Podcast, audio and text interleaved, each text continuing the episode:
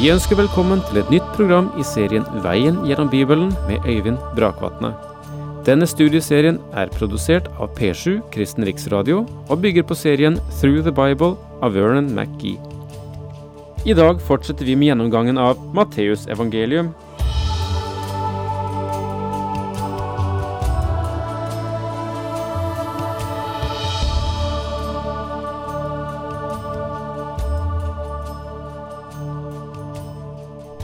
Mellom det siste skrift i Det gamle testamentet, profeten Malaki, og det første skrift i Det nye testamentet, Matteus evangeliet, ligger der en periode på ca. 400 år. Det er en periode som er fattig på profetiske utsagn og på skrifter av bibelsk karakter. Det er som en, et, at Gud tar et pausesignal her og tar en periode i stillhet.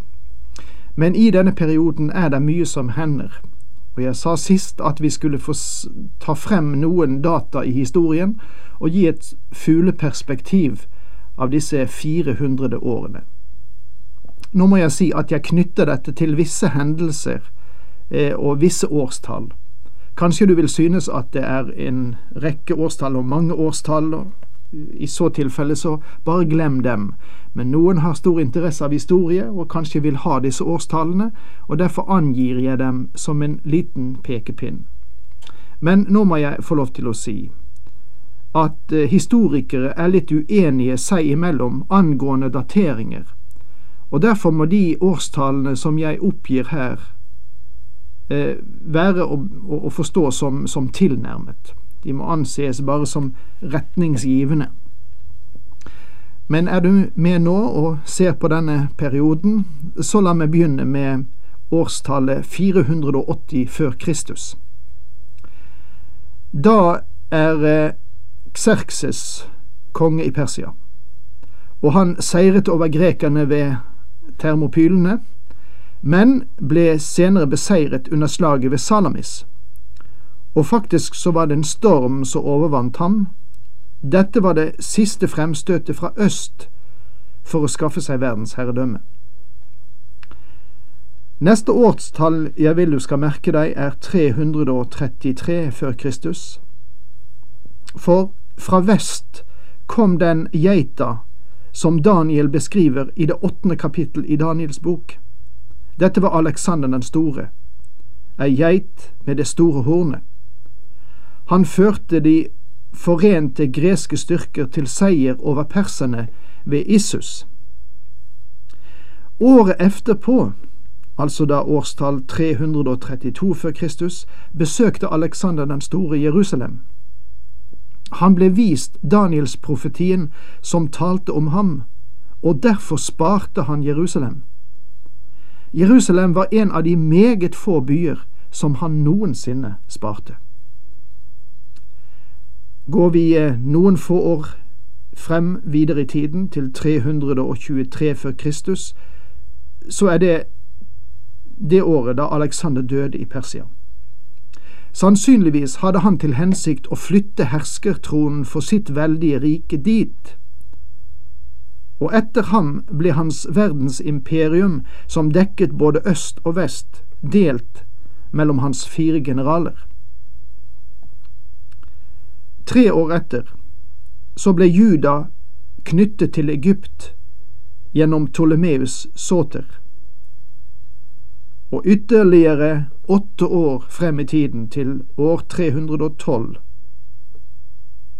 så finner vi at Selefkus grunnla kongeriket Selefsida, som er Syria. Han forsøkte å ta Judea og slik ble Judea kampplassen mellom Syria og Egypt. Dette lille landet ble en bufferstat mellom disse to store stater. Og så 203 før Kristus, så erobret Antiokus den store Jerusalem, og Judea kommer under innflytelse av Syria.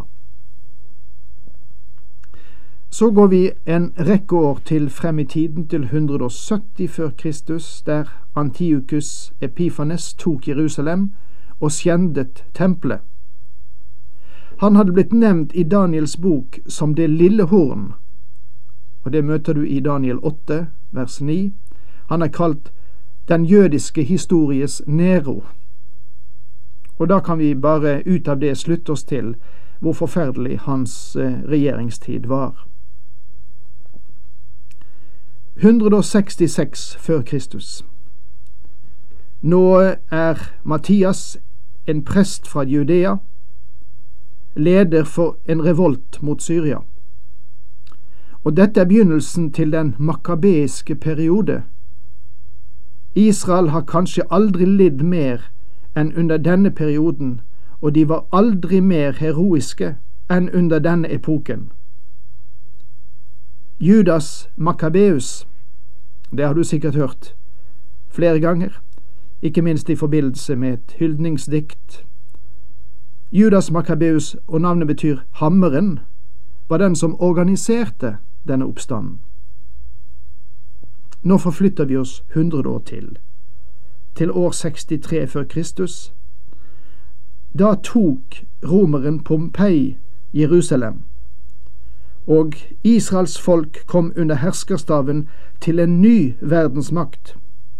De var under romersk herredømme ved den tiden Jesus ble født, og under hele den nytestamentlige periode. Og så, år 40 før Kristus, utnevnte det romerske senat Herodes til konge over Judea. Det er vanskelig å finne en familie eller en mann mer kynisk enn dette gjennom hele historien. Man kan snakke om den fryktelige mafiaen, men denne familie ville gå utenpå dem alle. År 37 før Kristus erobret Herodes Jerusalem og drepte Antigonus, den siste av de makabeiske prestekongene. Og noen år fra der, år 31 før Kristus, ble Cæsar Augustus romersk hersker. År 19 før Kristus begynte reisingen av det herodianske tempel. Byggingen hadde pågått ganske lenge da Vår Herre ble født, og byggingen fortsatte under hele den nytestamentlige periode. Og så kanskje du synes det er merkelig at jeg sier at år fire før Kristus ble vår Herre Jesus født i Betlehem. Ja, at det er år fire, det er at det senere har skjedd korrigeringer av eh, historiske data, og det synes eh, i eh, de historiske sammenheng å være riktig å si at Jesus ble egentlig født fire år før den tidsregningen som vi nå har. Radikale forandringer fant sted også i judafolket. På grunn av de generelle historiske endringer som fant sted i denne 400-årige historie mellom testamentene. Etter det babylonske fangenskap vendte de seg fra avgudsdyrkelse til en panisk streven etter lovens hellighet. Loven ble en avgud for dem. Det klassiske hebraiske språk måtte vike for aramaisk som dagligspråk, selv om hebraisk ble holdt ved like i synagogene. Synagogene ser ut til å ha blitt til etter fangenskapet. De ble sentre for folkets liv i Judea og overalt hvor de ellers dro i verden. I folket vokste det frem flere partier som er nevnt i Det nye testamentet, men som ingen hadde hørt om i Det gamle testamentet.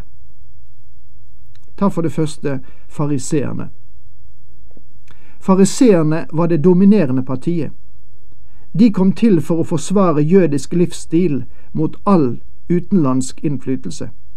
De var strengt lovlydige, og de trodde på Det gamle testamentet. Politisk sett var de nasjonalister og ønsket å føre riket tilbake til Davids linje. De var altså et religiøst politisk parti. I dag ville vi teologisk kalt dem fundamentalister, og politisk ville de stått lengst til høyre. Så har vi saduseerne. Saduserpartiet bestod vesentlig av de rike og sosialt interesserte som ønsket å bli kvitt tradisjonen. Saduseerne var teologisk liberale, og de fornektet det overnaturlige. På så sett sto de i opposisjon til fariseerne. Saduseerne var nær knyttet til de greske epikureerne hvis filosofi var et, drikk og vær glad, for i morgen dør vi.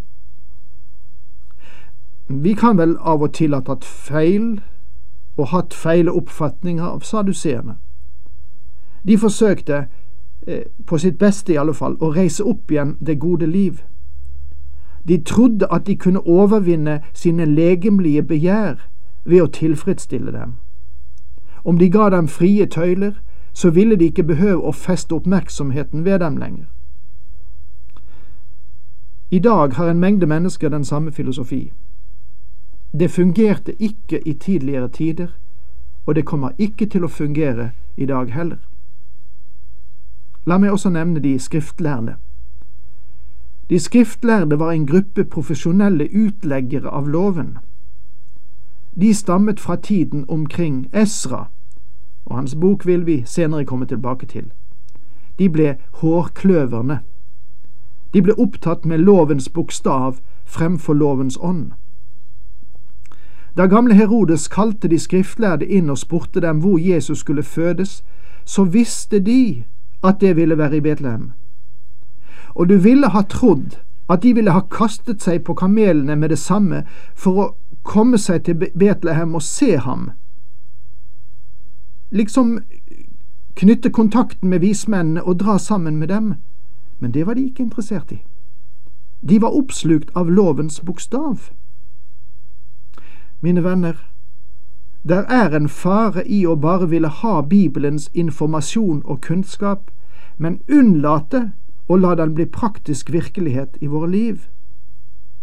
Gjennom studium kan vi lære de grunnleggende fakta i Skriften og alle teologiske sannheter den inneholder, uten å tillate Guds ord å ta bolig i våre hjerter.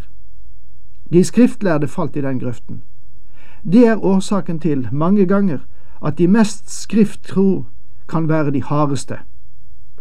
De er villige til å plukke et menneske fra hverandre for å få rett på et eneste lite punkt. Det er viktig å kjenne Guds ord. Det er prisverdig og riktig, men det er minst like viktig å forvandle ære til liv og la det gå videre til andre. Herodianerne vil jeg også fornevne. Herodianerne var et forholdsvis nytt parti i Jesu dager, og de var politiske opportunister. De ønsket å beholde Herodes på tronen så deres parti kunne komme til makten. Den intertestamentlige periode, altså perioden mellom Det gamle og Det nye testamentet, som vi nå snakker om, var en periode av stor litterær aktivitet på tross av det faktum at det ikke var noen åpenbaring fra Gud. Det gamle testamentet ble oversatt til gresk i Alexandria, Egypt, i perioden fra 285 til 247 før Kristus, og det er en meget viktig sak. Det ble oversatt av seks medlemmer fra hver av de tolv stammene. Derav ble oversettelsen kalt Septuaginta, som betyr 70, og der må vi sette strek i dag.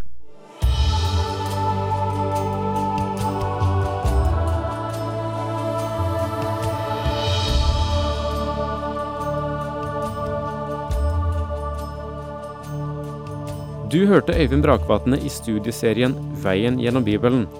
Serien bygger på et manus av Vern McGee. Har du spørsmål eller kommentarer til programmet, kan du sende en e-post til vgb krøllalfa p7.no. Takk for i dag, og på gjenhør.